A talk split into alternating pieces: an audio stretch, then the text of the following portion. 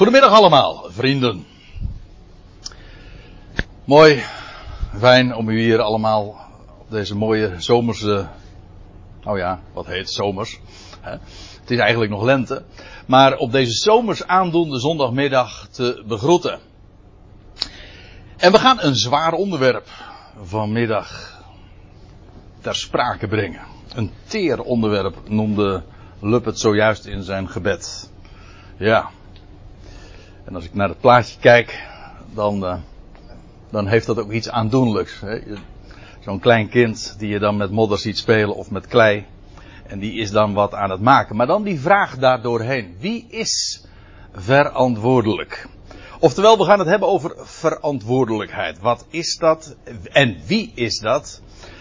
Uh, we zullen vanzelf ook wel zien uh, in hoeverre dat eigenlijk wel een Bijbels onderwerp is. Deze middag, het onderwerp van deze middag is mij aangedragen door een van u, die mij altijd uh, moeilijke vragen weet voor te leggen. Ik noem helemaal geen naam hoor. En, uh, en maar, ja, dat denk ik ook. Ja, dat zal het wel wezen, ja. Maar de vraag was deze. En we maken ons uh, niet af, gemakkelijk af met uh, eenvoudige bijbelgedeelten. Maar uh, ook de moeilijke vragen vind ik dat onder ogen gezien moeten worden. Sterker nog, dat vind ik juist een uitdaging. Als je dingen wil leren, dan moet je juist de, niet alleen de goede vragen stellen, maar ook vragen die je misschien nooit eerder hebt gedurfd te stellen. En we laten ons niet met een kluitje in het riet sturen, dat wil ik niet. En ik hoop dat u diezelfde instelling hebt en luister gewoon kritisch en wel welwillend. Net als de Bereërs, die met alle bereidwilligheid aanhoorden wat Paulus te melden had. En vervolgens zelf dagelijks de dingen nagingen in de schriften of het al zo was. Wel, het eerste, dat is mijn taak, dat wil zeggen om het uh, in goede orde aan u te vertellen. En het andere is uw taak, namelijk om het inderdaad te checken. De vraag was deze. In Romeinen, in de Romeinenbrief, staat dat de mens God kan kennen. En wie hem niet erkent en herkent als God, zichzelf daarmee, dat is een, een verwijzing naar Romeinen 2 vers 5, zichzelf daarmee toren vergaat. Uh, zichzelf, dus niet God. Nou, nou, de eigenlijke vraag, want dit is alleen nog maar een, een vaststelling min of meer. De vraag is deze. Kan de mens verantwoordelijk gehouden worden voor het vergaderen van torens, zoals Paulus dat dan noemt, in de Statenverdaling wordt dat zo weergegeven. Kan de mens verantwoordelijk gehouden worden voor het vergaderen van toorn als God mensen geen geloof schenkt? Dan kunnen zij, mensen, toch niet anders. Hoe zou een mens kunnen geloven als die niet het geloof ontvangt? Terwijl in Romeinen 1 en 2 juist naar voren komt dat zij hem wel kunnen kennen. Is de goede vraag of niet? Nou, laten we dat nou eens uh, in, in stukjes happen, hakken. Zodat het ook inderdaad een beetje te behappen is. Laten we eens eens een keer kijken naar wat we bedoelen met het woord verantwoordelijkheid. Dus voordat we de concordantie gaan raadplegen, eerst eventjes de, het woordenboek erop naslaan. En ik zal u straks ook laten zien waarom het juist in deze volgorde is dat ik het nu een keertje zo doe.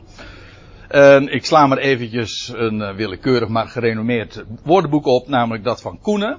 En die zegt bij verantwoordelijkheid dit. Dat wil zeggen, er worden min of meer, eigenlijk in, in werkelijkheid nog meer, maar we beperken ons eventjes tot deze twee definities. De eerste is deze. Verantwoordelijkheid, dat is de verplichting verantwoording af te leggen. En dat lijkt niet zo moeilijk, want ja, verantwoordelijkheid, daar zit het woordje antwoord in, maar daarmee ook verantwoording af te leggen. Iemand die verantwoordelijk is, is verplicht om zich te verantwoorden. Dat is de eerste betekenis die uh, Koenen daarvan formuleert. De tweede En dat wordt bijvoorbeeld gebruikt in de zin van zijn verantwoordelijkheid nemen. Als u nog wel eens een keertje uh, allerlei politieke reportages beluistert, dan zul je opmerken dat met name in de Tweede Kamer het altijd wemelt van opmerkingen als deze. Je verantwoordelijkheid nemen. En zijn verantwoordelijkheid niet uit de weg gaan. En dan bedoelt men daarmee uh, persoonlijk zorg dragen. Dit is Koen, hè? Dit is dus niet mijn definitie. Dit is de wijze waarop dit wordt uitgelegd en wordt gedefinieerd en aangegeven wat wij met die term bedoelen. Persoonlijk zorg dragen voor de goede afloop van iets. Maar dat zijn nogal twee verschillende definities. Dit is niet eenduidig en dat is uh, bepaald complex. Dat maakt het onderwerp ook heel gecompliceerd. Want laten we eerst eens kijken naar die eerste definitie.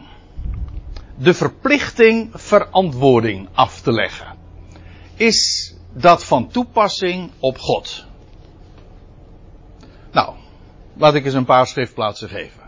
Uh, eigenlijk lijkt mij, zojuist heeft uh, Lub een prachtige inleidend schriftwoord voorgelezen uit Jezaja 40 eigenlijk heeft, is daarmee ook heel goed en wat mij betreft ook haast afdoende de, de toon gezet voor deze middag.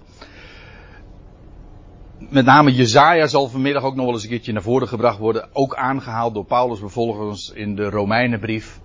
Want eigenlijk, dat wil ik er eigenlijk ook nog even bij zeggen, zojuist in de vraagstelling kwam, die, kwamen die eerste hoofdstukken van de Romeinenbrief even aan de orde.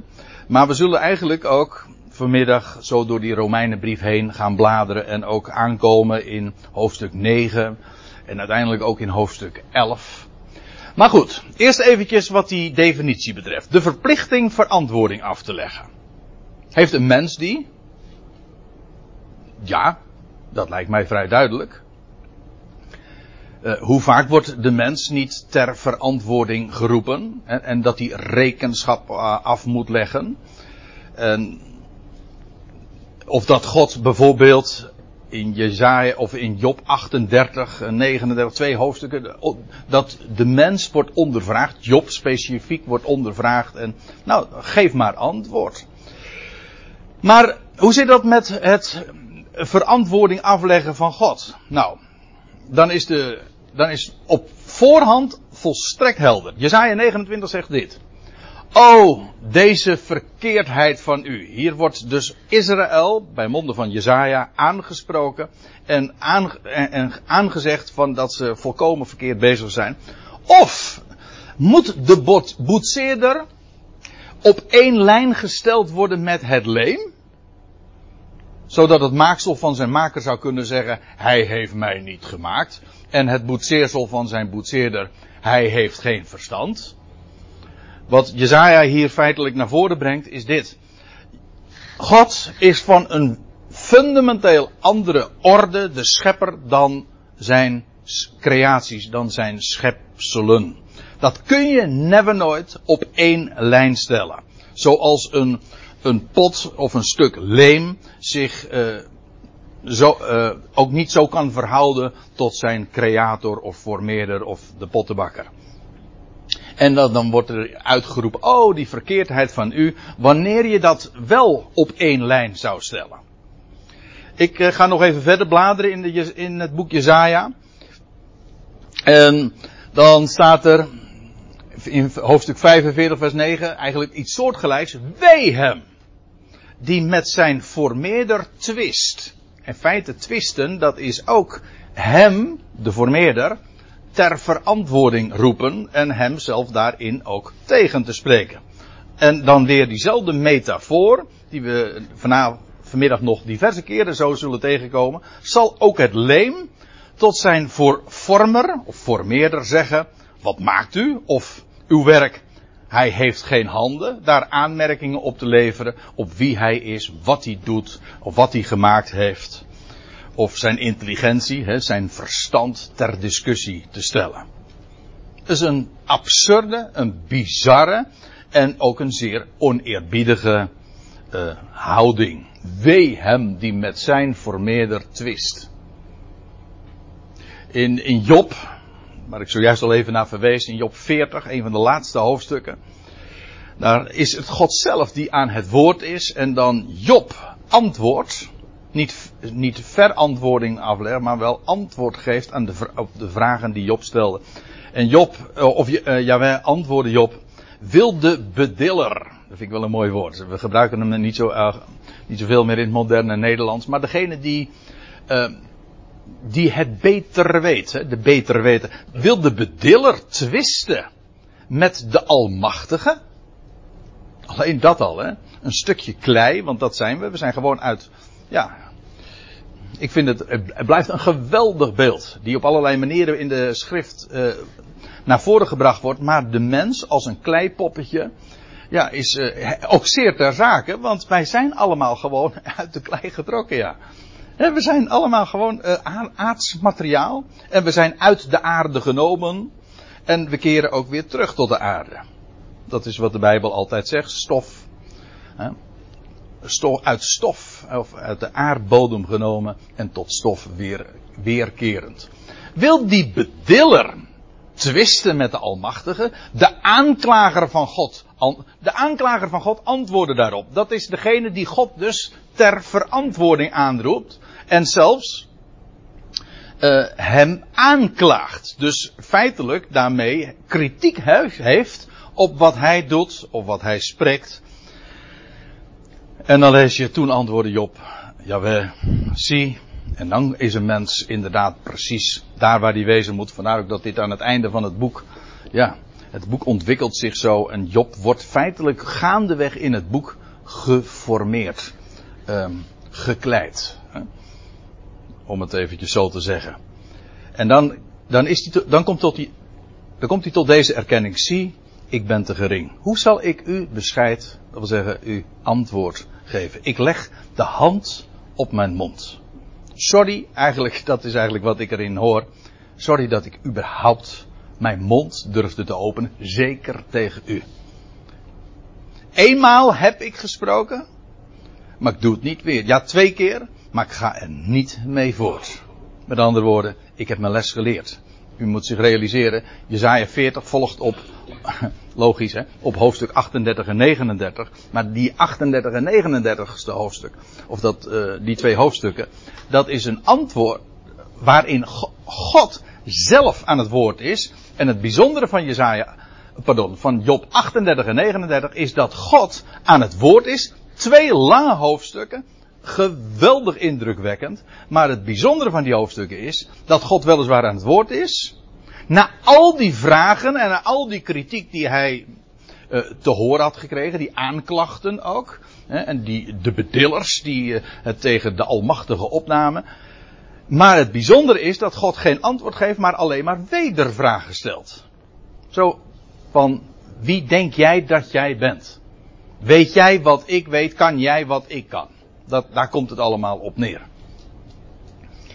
En alleen al die vragen die God stelt, dat doet de mens, in dit geval Job, vaststellen van ja, ik ben te gering.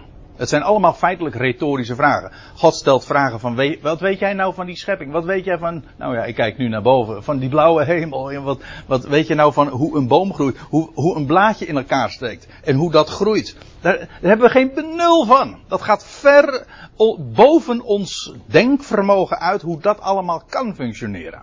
Nou, dat, die wetenschap. De, ver, de, uh, die, die verplichting om verantwoording af te leggen, die wijst God, laat ik dat dan gewoon vaststellen, subiet van de hand. Nou gaan we even naar die tweede definitie. Dat zorg dragen voor de goede afloop van iets. En nu wordt het ineens anders. Want wie draagt nou zorg voor de goede afloop van de dingen? Laat ik het eventjes heel algemeen zeggen. Ja, en dan is het antwoord. Dat is nummer één. God is geen verantwoording schuldig, maar er is er één die zorg draagt voor, en ik durf het zelfs nog sterker te zeggen, die zelfs garant staat voor de goede afloop van iets. En dan ga ik weer even naar Job. En dat is dan uh, het laatste hoofdstuk van het boek. En dan staat er, toen antwoordde Job, Jawel, ik weet dat u alles vermoogt. Dat wil zeggen, in staat bent alles te doen. Het, uh, ik moet er trouwens bij zeggen, eventjes uh, als uh, zijdelingse opmerking. Gods almacht betekent niet dat hij alles kan, maar dat alles wat hij wil, in staat is te doen. God kan niet alles. Uh, er staat bijvoorbeeld, en dat blijf ik een mooie vinden, Hebreeën 6. God, het is onmogelijk voor God dat hij liegen zou. God kan niet liegen. Dus Gods almacht betekent niet, hij kan alles. Dat geeft trouwens ook meteen antwoord op die, uh, ja, als mij vraagt, flauwe uh, uh, strikvragen als van, kan hij een steen maken die zo zwaar is dat hij hem zelf niet kan tillen? Weet u wel, dat is namelijk een, een onmogelijke strikvraag, want of ja, linksom of rechtsom, of je nou ja of nee zegt, in beide gevallen zou je Gods almacht hebben weersproken. Maar dat is ook niet, Gods almacht betekent, nou, ik kan het uh, poëtisch uh, misschien wel zo zeggen. We zingen het wel eens. Ik blijf het een prachtig lied vinden.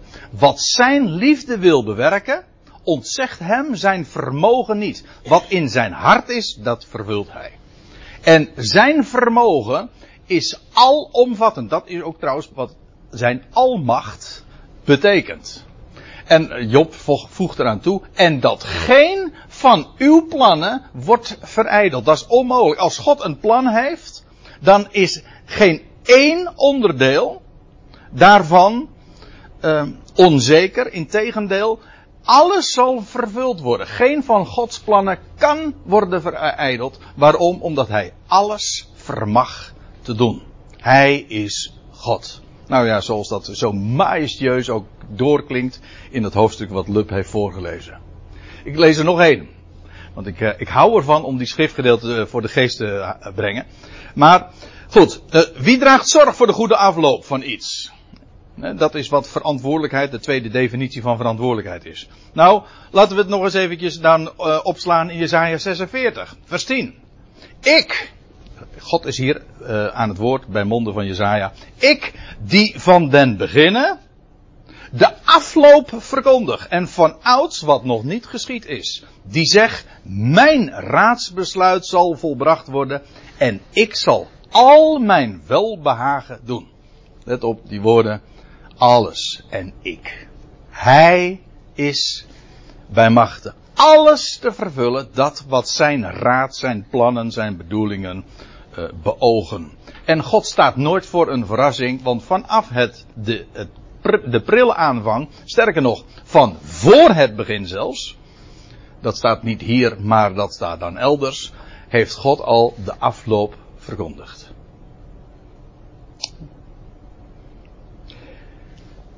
Ongelooflijk, geweldig. Ja, zoals dat, uh, deze waarheid. God is God.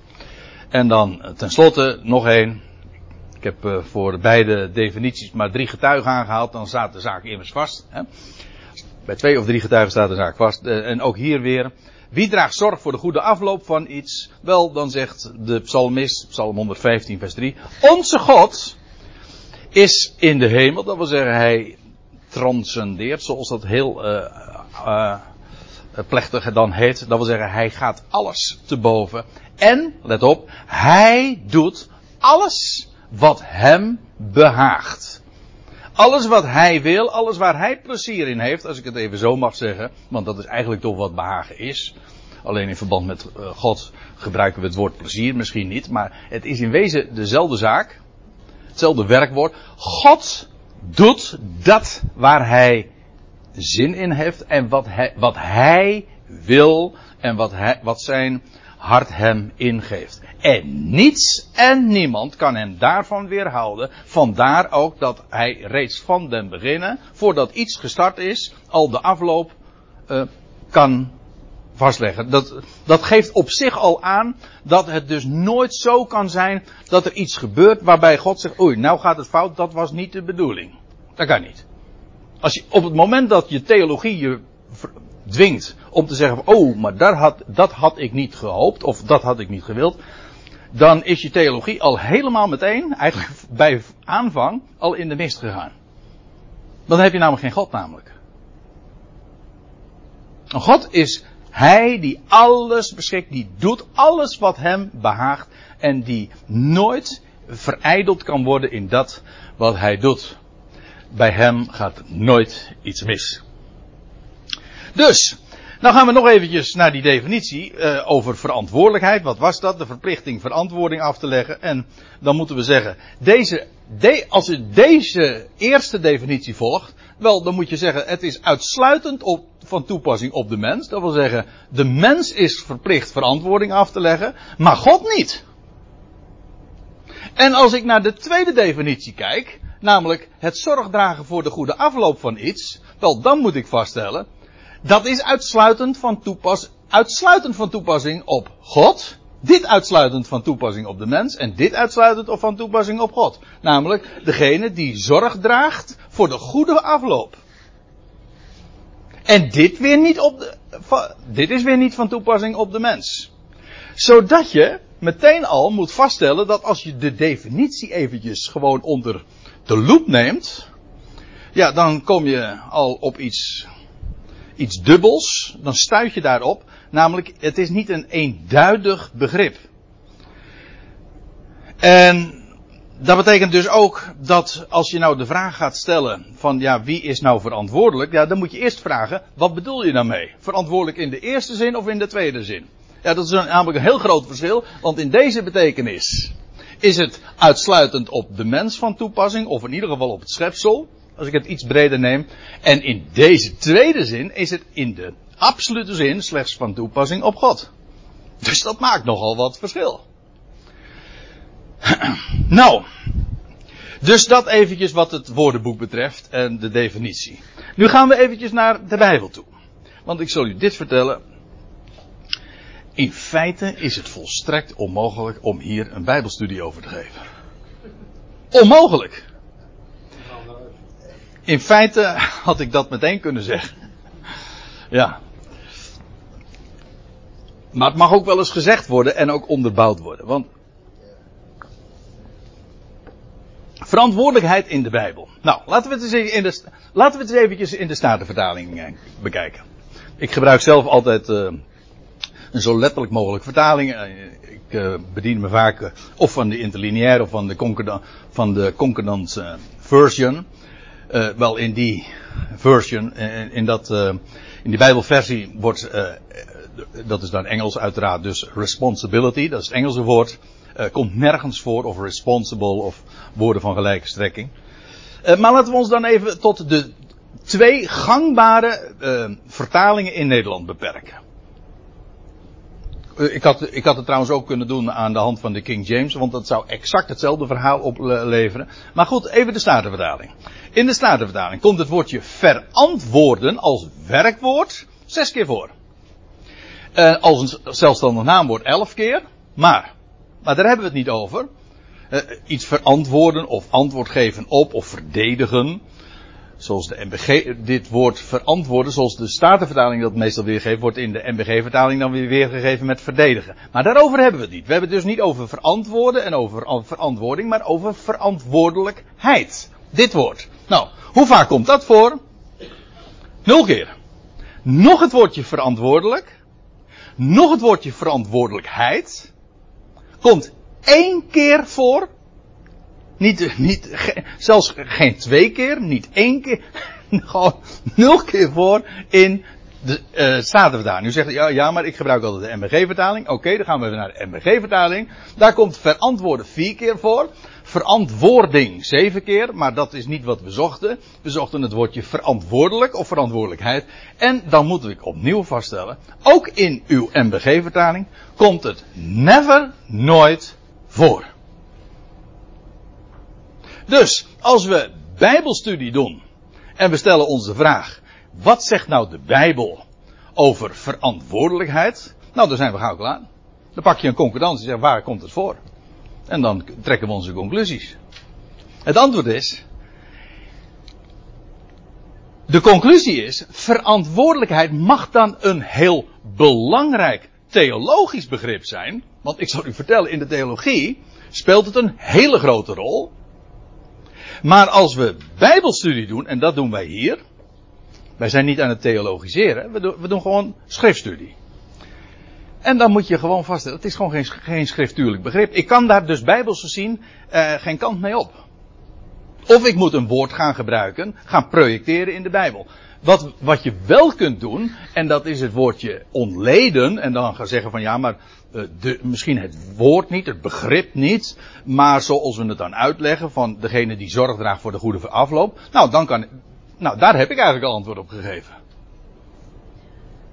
En als je je vraagt van, uh, is het woordje verantwoordelijk uh, dan in de zin van de verplichting verantwoording af te leggen, is dat van toepassing op de Bijbel? Jazeker.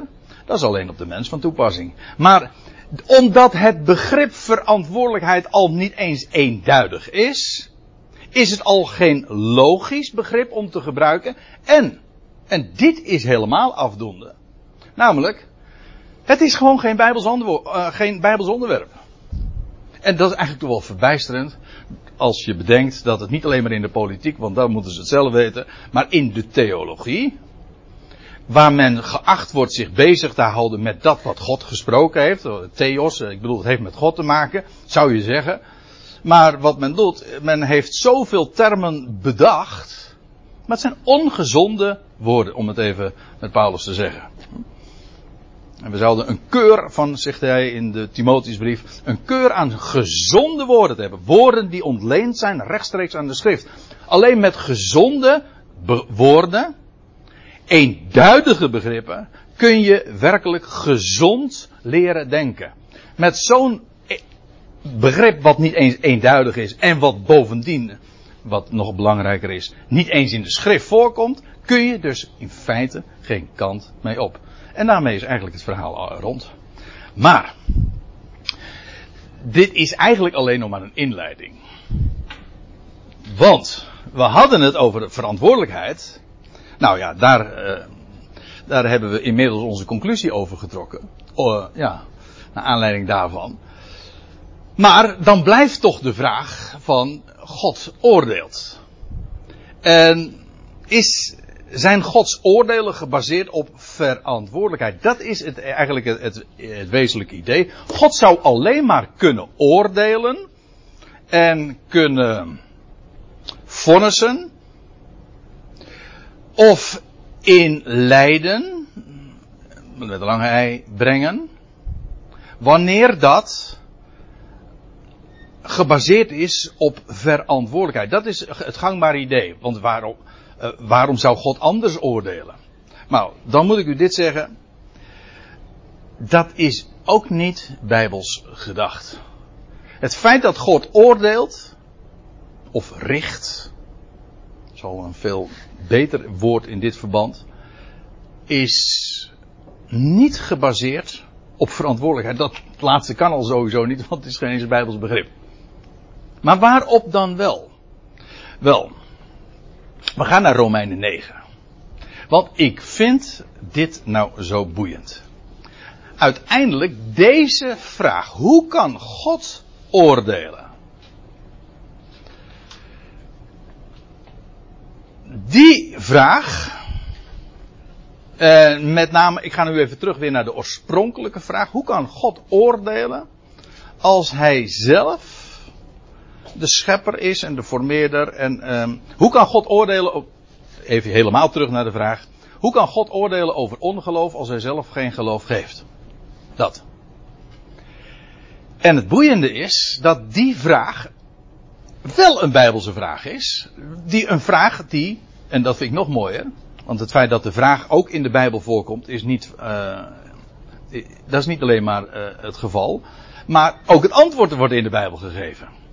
En daar word ik blij van.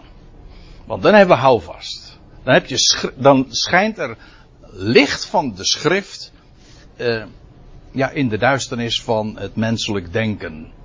Nou, ik begin te lezen in Romeinen 9, vers 17. Want daar heeft Paulus het over, over Farao, die zich uh, niets gelegen liet liggen aan wat God hem gezegd had bij monden van Mozes. Laat mijn volk gaan. En op een gegeven ogenblik bezwijkt, uh, dreigt Farao te bezwijken onder de druk van de oordelen, de gerichten die over Egypte gaan. En dan is het, dan dreigt hij te bezwijken en dan lees je dat God zijn hart God zijn hart uh, versterkte, staat er in het Hebreeuws. Of in het Nieuwe Testament, in het Grieks staat er dan verharde.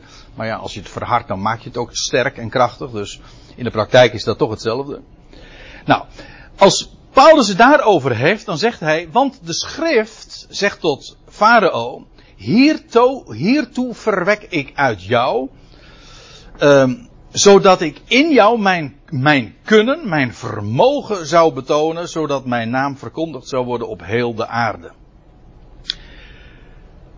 Het is zelfs zo sterk, dit, als, als Paulus zegt, de schrift zegt, dan citeert hij Exodus 9 vers 16. Maar het gaat nog verder. Want zelfs voordat Mozes al naar Farao toe ging, was al tegen Mozes gezegd dat Farao niet zou luisteren. En dat God zo zijn kracht zou betonen uh, over het land Egypte en vandaar ook al die plagen en hoe God juist uh, zijn kracht ging betonen. Dus, uh, nou ja, zoals hier staat. Oh, dat mijn naam verkondigd zou worden over heel de aarde. Hoe krachtig de God van Israël was, bleek juist uit het feit dat Farao nee zei. Stel je voor dat Farao had gezegd van, nou, bij de eerste de beste keer van, ga, ga gerust je, je gang. Ik bedoel, had God toch ook, ook, ook kunnen doen? Ja, ik bedoel, hij, hij verhardt wie hij wil. Hij, en als hij zijn hart kan verharden, dan kan hij zijn hart toch ook zacht maken, zodat Farao wel uh, uh, luistert en meteen doet wat hem gevraagd wordt.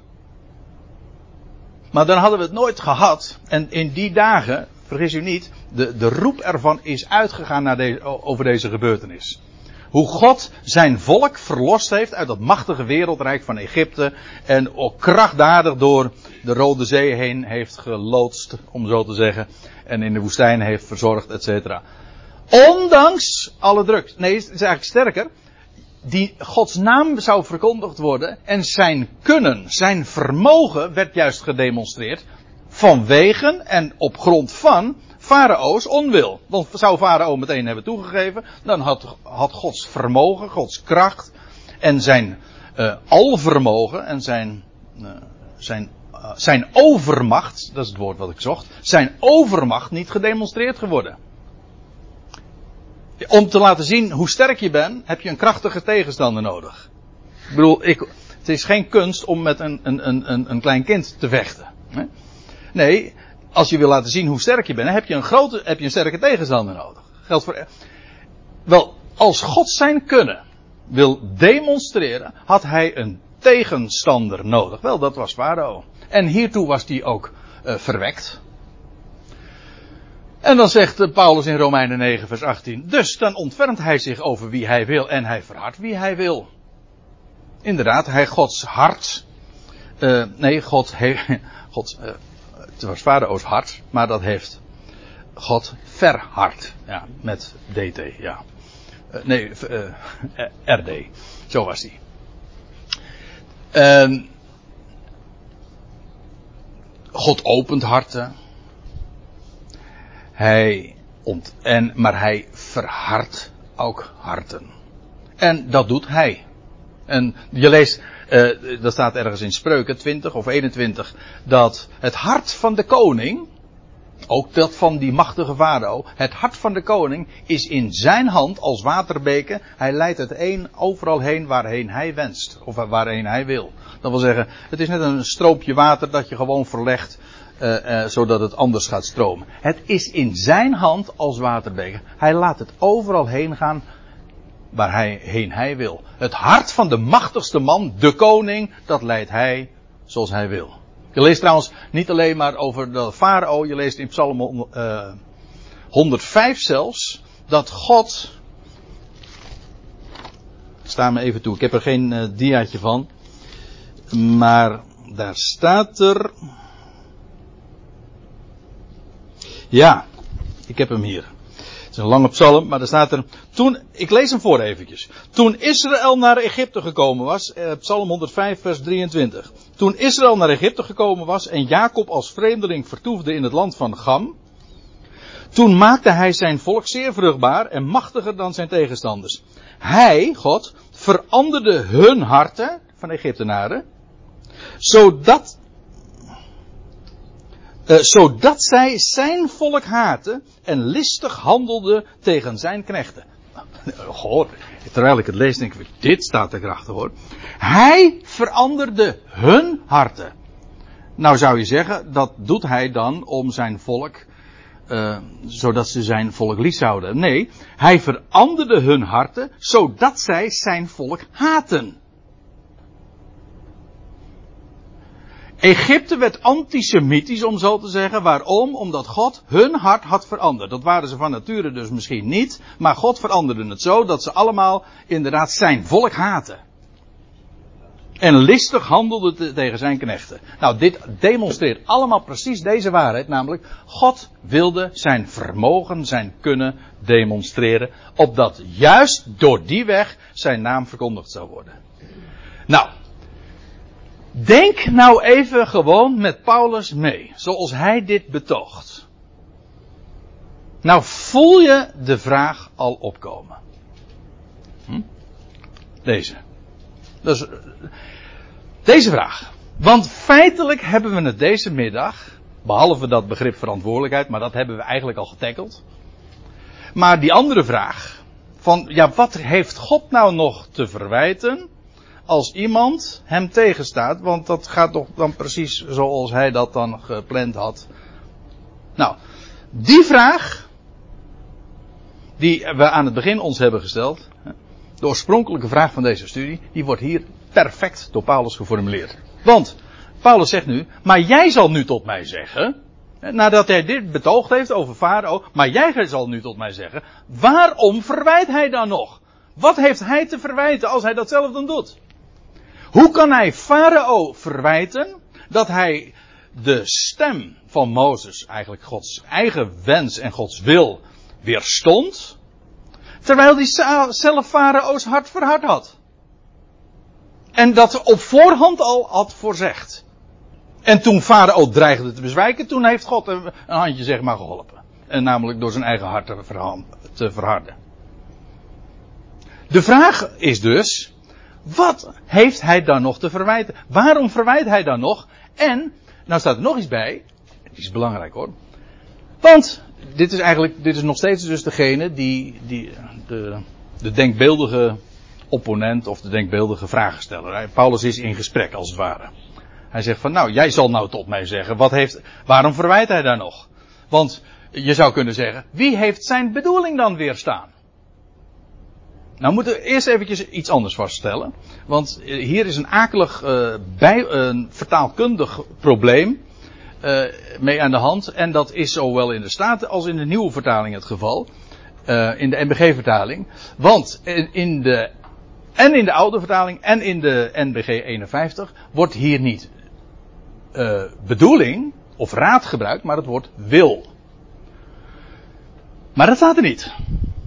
Er staat niet het, hier staat niet het Griekse woord voor, voor wil, telema, maar het Griekse woord voor raad. Dat is een heel ander woord. En kan ik u, dat is, kan ik heel makkelijk aantonen, want er is namelijk één eh, vers in de Bijbel, waar beide begrippen, telema en boulema, in één frase worden geformuleerd, namelijk Efeze 1, vers 11. Kan je niet ontgaan, makkelijk te onthouden. Allemaal één. En het wijst op de ene, ja, ik wou zo haast zeggen drie keer één, maar dat, dat, is, weer, uh, dat is weer wat anders. Uh, God, die in het al, het heelal, werkt naar de raad van zijn wil. Nou, hier wordt in het Grieks gesproken over het woord, laat ik het zo zeggen. Het woord wat hier in Romeinen 9 gebruikt wordt, dat is dit Griekse woord. Alleen hier wordt het vertaald met raad. Weet u waarom? Want stel je voor dat ze het hier ook hadden vertaald met dezelfde, op dezelfde manier als dat men het in Romeinen 9 vers 9. Dan had er staat, die in het al werkt naar de wil van zijn wil. Dat is de waarheid. Dat kan niet. Er staat ook geen wil. Er staat het woordje boulema en dat is de bedoeling. Gods, kijk. Gods wil was, laat mijn volk gaan. Dat was Gods wil. Maar Gods bedoeling, dat wil zeggen zijn verborgen raad, die trouwens Mozes kende, maar de farao niet, dat was dat hij, dat farao zou weerstaan, dat Farao niet zou luisteren naar zijn wil. En dat God zo zijn kracht en zijn kunnen zou demonstreren, opdat zijn naam zo verkondigd zou worden. Over heel de aarde. Dat was Gods bedoeling. Gods wil was dat Israël, pardon, dat Farao uh, het volk Israël zou laten gaan.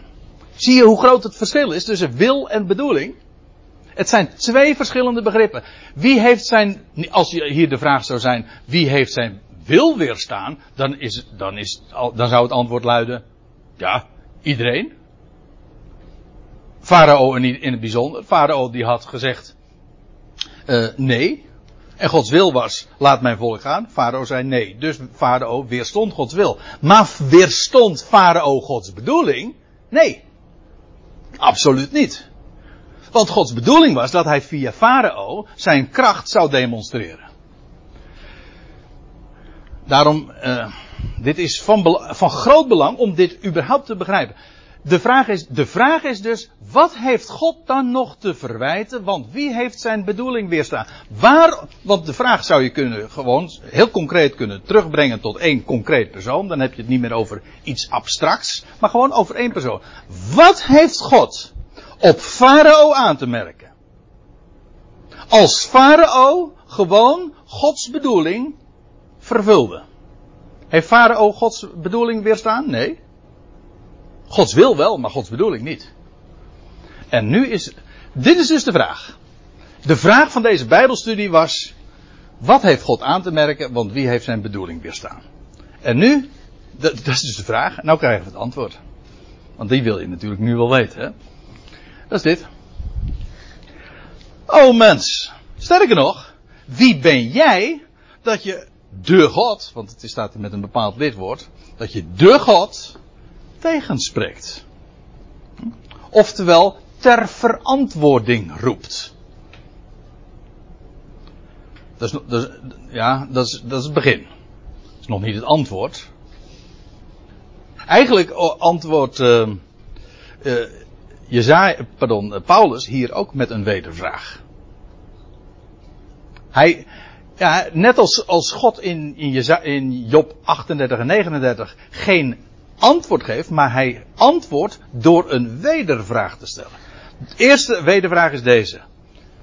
Wie ben jij dat je God tegenspreekt? Dat is één. Maar daar blijft het niet bij, want nou zegt Paulus dit. Het geboetseerde, ha, hebben we datzelfde beeld wat we al eerder tegenkwamen. Het geboetseerde zal toch niet tegen de boetseerder zeggen: Waarom maak jij mij zo? Kijk, uh, dat geldt voor elke creator. Iemand die creatief doet, in dit geval is het een pottenbakker die iets creëert en formeert. Maar je kunt er uh, allerlei andere beelden ook voor uh, gebruiken. Voor iedereen die iets creatiefs doet. Een ander beeld is dat van een personage in een roman. Een personage in een roman zal toch niet zeggen tegen de auteur: waarom maak je me zo?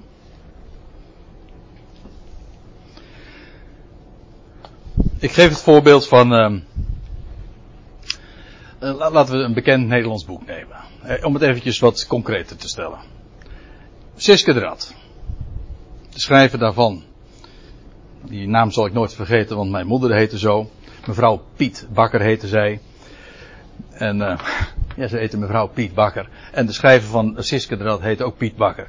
Nou, uh, daar zitten al, allerlei personen. U kent uh, wellicht het boek, anders heb je misschien de film wel gezien. Allerlei personages. En Siske die pleegt op een gegeven ogenblik een moord. Dat was hij vermoord zijn moeder. Is, nou eventjes, uh, in, in deze lijn. Wie is nou verantwoordelijk voor de moord op Siskes moeder? Ja, Siske. Je zou ook kunnen zeggen, uh, ja, maar Siske was nog maar uh, minderjarig. Dus uh, in, ook in het Nederlandse recht, of gewoon in het algemene recht, is iemand die minderjarig is nog niet eens verantwoordelijk te houden. Dus in feite zijn ouders. Ook al zou Siske dan vervolgens wel, die, zo ging het ook in het verhaal, die moest dan in een, kwam die in een opvoedingsgesticht of zo terecht, ik weet het niet meer precies.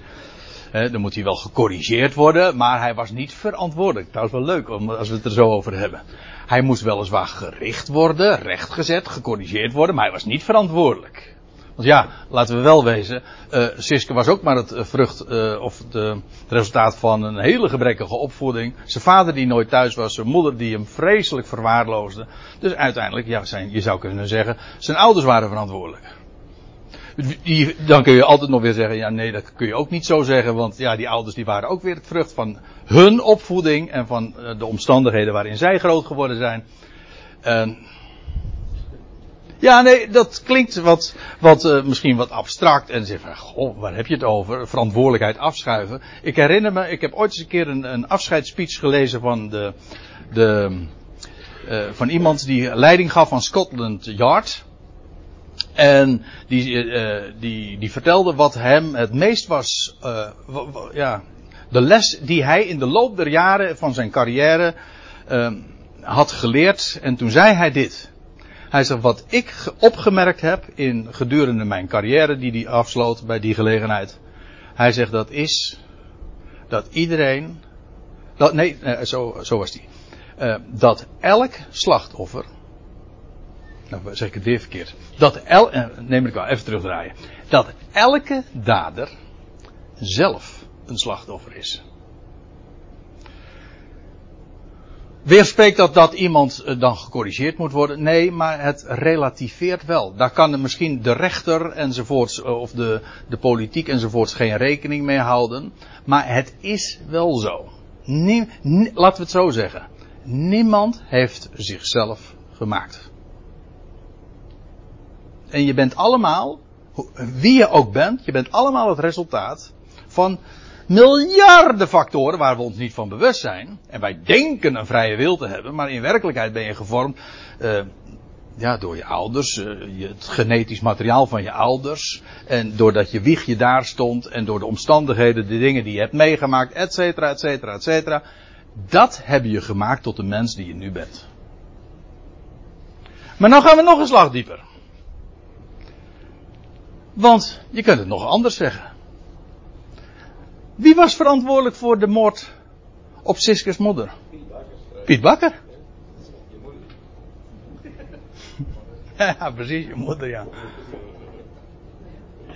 Want de schrijver, de schrijver die heeft het verhaal bedacht. Die, die heeft die personages bedacht. Maar op het moment dat je dit antwoord geeft, dan zeg je, ja maar nee, wacht even, dat, dat gaat niet op.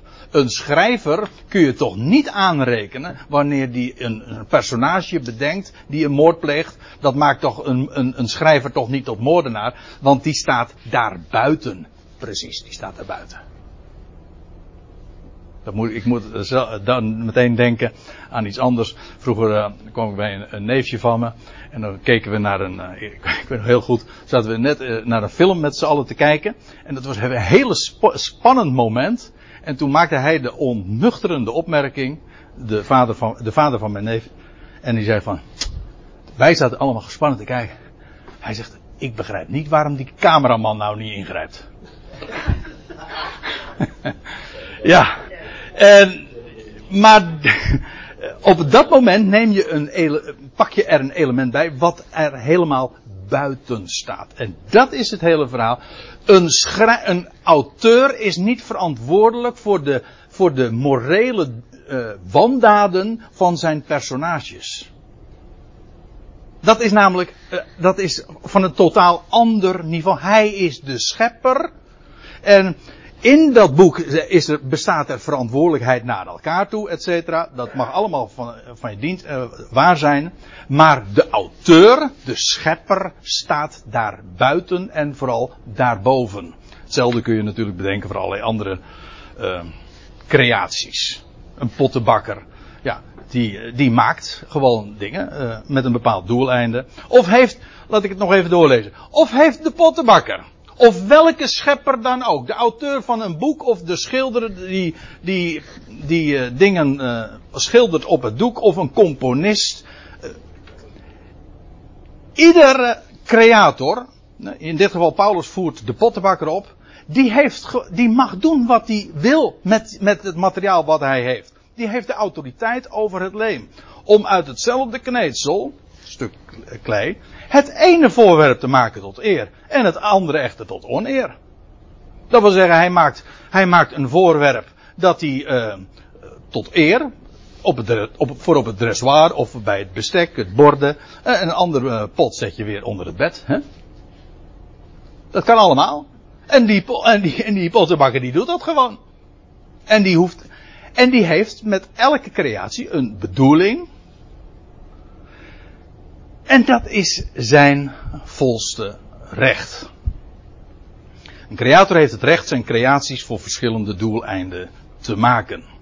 Nou, ik ga, ga, er trouwens eventjes aan voorbij dat Paulus dit ook nog weer opvoert voor, uh, voor Israël en voor de natieën. Daar zit nog veel meer achter, maar daar gaat het me nu even niet om. Het gaat erom, wij zijn allemaal klei. We zijn allemaal gemaakt uit, uh, uit dat stof, uit de aarde. En wij zijn, sommige mensen zeggen, oh, dan zijn we maar robots. En dat zijn wij niet. We zijn geen robots.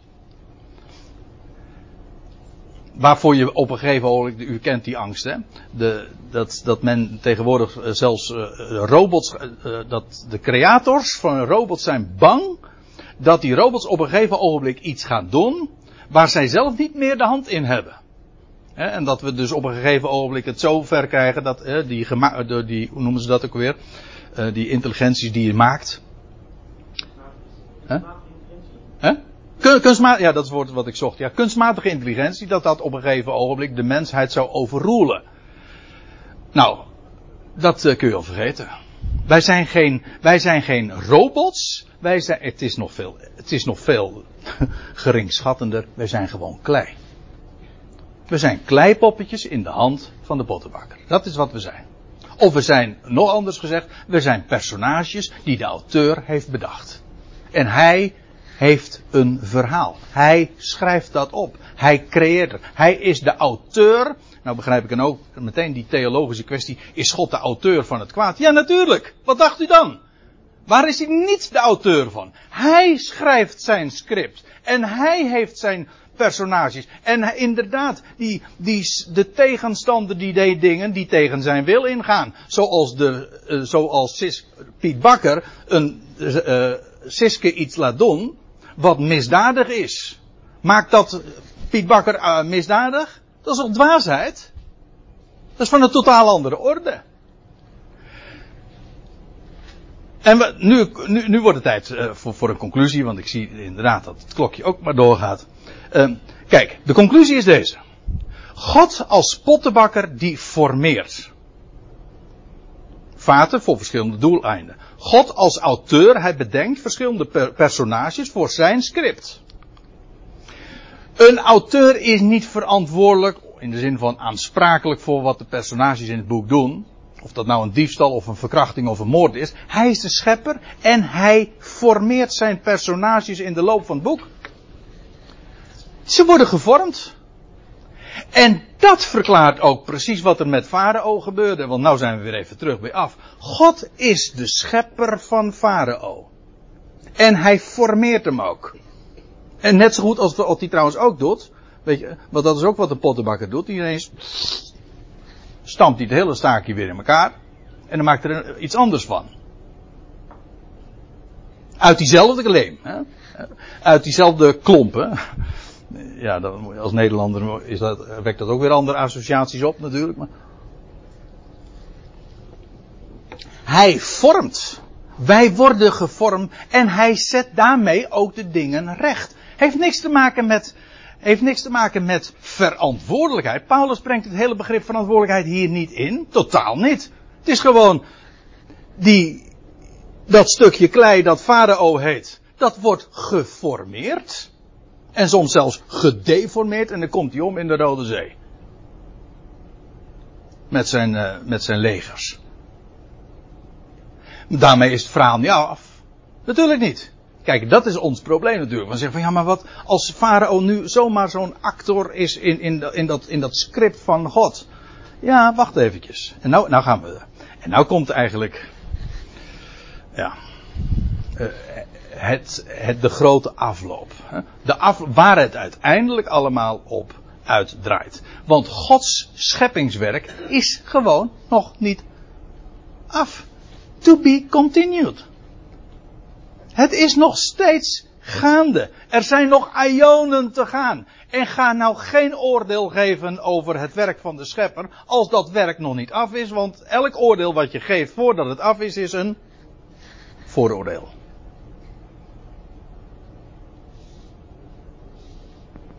Een gedicht moet je ook niet halverwege beoordelen. Hè, want het rijmt aan het eind.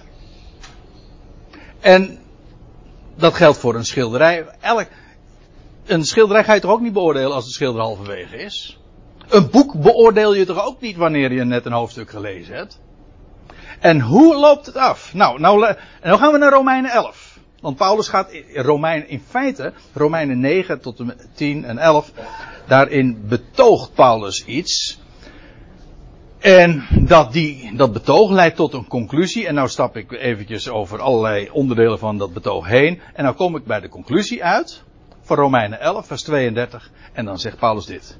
Want God sluit allen op in ongezeggelijkheid. Want God heeft, staat er in de MBG-vertaling aan, want God heeft allen besloten onder ongehoorzaamheid. Allen. Vergis u niet. Niet alleen Farao, maar uiteindelijk elk mens. Want hoe was het ook alweer? Maar dat is trouwens niet, dat is weer, dat is niet Romeinen 1 en 2, maar dat is Romeinen 3. Alle mensen zijn zondaren en stervelingen. Laat ik, dat is nog een andere vraag. Zijn wij verantwoordelijk voor het feit dat we zondaar zijn? Toen ik in de wieg lag, was ik dat al. Ik heb er nooit voor gekozen. Ik was toen ook al een sterveling. En ik bedoel, uh, er zijn. Ja, dagelijks worden die dingen ons getoond in het nieuws. En dan, dan zie je wat mensen soms op. En, al jonge kindertjes moeten meemaken. Zeggen, hebben ze ooit voor gekozen? Nee. Waarom dan dat leed? Ziet u dat je met het hele begrip verantwoordelijkheid dan totaal geen stap verder komt? Dat zegt helemaal niks. Want zijn die kindertjes dan verantwoordelijk? Nee, dat is ook helemaal niet aan de orde. God is de schepper en hij formeert en hij is nog bezig. En wij denken dan van dat bij de dood het afgelopen is. Wel nee, want God roept de doden weer tot aanzijn. En dan gaat hij weer verder. Want dat, zo gaat het trouwens straks ook bij de grote witte troon. Waar hij ieder zal richten naar zijn werken. God gaat daar. Niet, dat is geen kwestie van verantwoordelijkheid. God gaat daar alles rechtzetten. En alles zal aan het licht komen. En God zal laten zien wie iemand is. Wat hij gedacht heeft. Wat de andere gedachten he hebben. En wie hij zelf was. Kortom, alles komt dan aan, de, eh, aan het licht. En zo vormt God de mens. Stra straks bij de grote witte troon. Dat is uh, misschien nog wel het grootste formatieproces. Dat bedoel ik niet politiek. Hè? Maar dat is waar hij uh, uiteindelijk het schepsel formeert. Daar gaat hij alles ook als een orthopeed recht zetten. Een orthopeed die, uh, zo is dat toch? Zo heet dat toch? Iemand die, uh, die, uh, die botten weer recht zet. Hè? Oh. Nou ja, hoe dan ook. hè? het is even duidelijk. Dat is, ja, dat moet een chirurg, moet soms iets recht zetten. Dat is niet omdat dat been verantwoordelijk is, maar dat het is wel heel pijnlijk, misschien. Maar dat is omdat het nodig is. Het is allemaal richten. God gaat alles richten. Dat is ook zijn rechtvaardigheid. Heeft niets te maken dus met verantwoordelijkheid. Hij gaat recht zetten. Zijn schepselen formeert hij. En dat doet hij en hij is daarmee bezig. En een mens is, alle mensen zijn zondaren, alle mensen zijn stervelingen. Het is onontkomen, want we zijn daartoe, zegt Paulus in Romeinen 5, vers 19, we zijn daartoe gesteld. Zo, neer, letterlijk staat er, neergezet. Ziet u dat je met het hele eh, idee van verantwoordelijkheid nergens uitkomt? Want je zou, als, kijk, als je dit, dit weet men altijd nog wel in de theologie. En dat Calvinistisch landje weet heel goed dat God alle mensen onder de ongehoorzaamheid heeft besloten. En dat alle mensen zondaren zijn. Alleen ze kennen de helft van de waarheid. En daardoor, dat is een half, u weet het hè. Een halve waarheid is erger dan een hele leugen. Want als je alleen deze waarheid kent, dan ontgaat je in feite de waarheid. Waarom? Omdat de waarheid is het heeft namelijk een reden. Het is niet zomaar op zich, want dat zou God inderdaad sinister maken. Dat, nee, hij heeft daar een reden voor, opdat hij zich over allen zou ontfermen. Deze allen zijn dezelfde als die allen. En zoals hij dit doet, daarvoor verantwoordelijk is, als ik dan toch even dat woord mag gebruiken, dat wil zeggen, hij is degene die dat doet. Ja, waarom doet hij dat? Wel, opdat hij zich over allen zou ontfermen. En zoals hij mijn hart kan openen, en gedaan heeft, God zij dank, kan hij dat ook met andere mensen doen. En dat gaat hij ook doen, alleen we zitten hier als eerstelingen en wij mogen nu al weten wat straks eens elk schepsel zal weten en zal erkennen van harte, blijmoedig, met hart en tong zullen ze God, tot eer van God de Vader, dat uh, bekennen en beleiden. Ja, en dan zijn alle mensen gerechtvaardigd. Zoals Paulus dat in de eerdere hoofdstuk had gezegd. En levend gemaakt. En lovers van God. En dan zegt Paulus, en dan val je, ja, dan valt hij op zijn knieën en zegt, O diepte van rijkdom, van wijsheid en van kennis van God. Hoe onnavosbaar zijn zijn oordelen en hoe onnaspeurlijk zijn wegen. Dat wil zeggen, kijk, Paulus is nu aangekomen bij het eind. Maar als hij dan, dan terugblikt de wegen die God gaat, als auteur bezig is het script te schrijven, hadden we halverwege gedacht, hoe moet dit goed komen? Hoe kan hij zich dat verantwoorden? Wacht maar. Stil maar, wacht maar. Hè? Inderdaad, hij gaat alles tot een goed einde brengen. Want wie kende het denken van de Heer? Of wie werd zijn adviseur? Of wie heeft aan hem eerst gegeven en waarvoor hij zal worden terugbetaald? Wie is God iets schuldig? Dat is eigenlijk het idee. Het antwoord is, en dit is het uiteindelijke grote antwoord. Uit hem, door hem en tot in hem zijn. Alle dingen. Dat alle mensen onder de zonde besloten zijn, is uit hem. Hij is ook degene die dat doet. Het is ook tot hem waarin dat alles zal keren.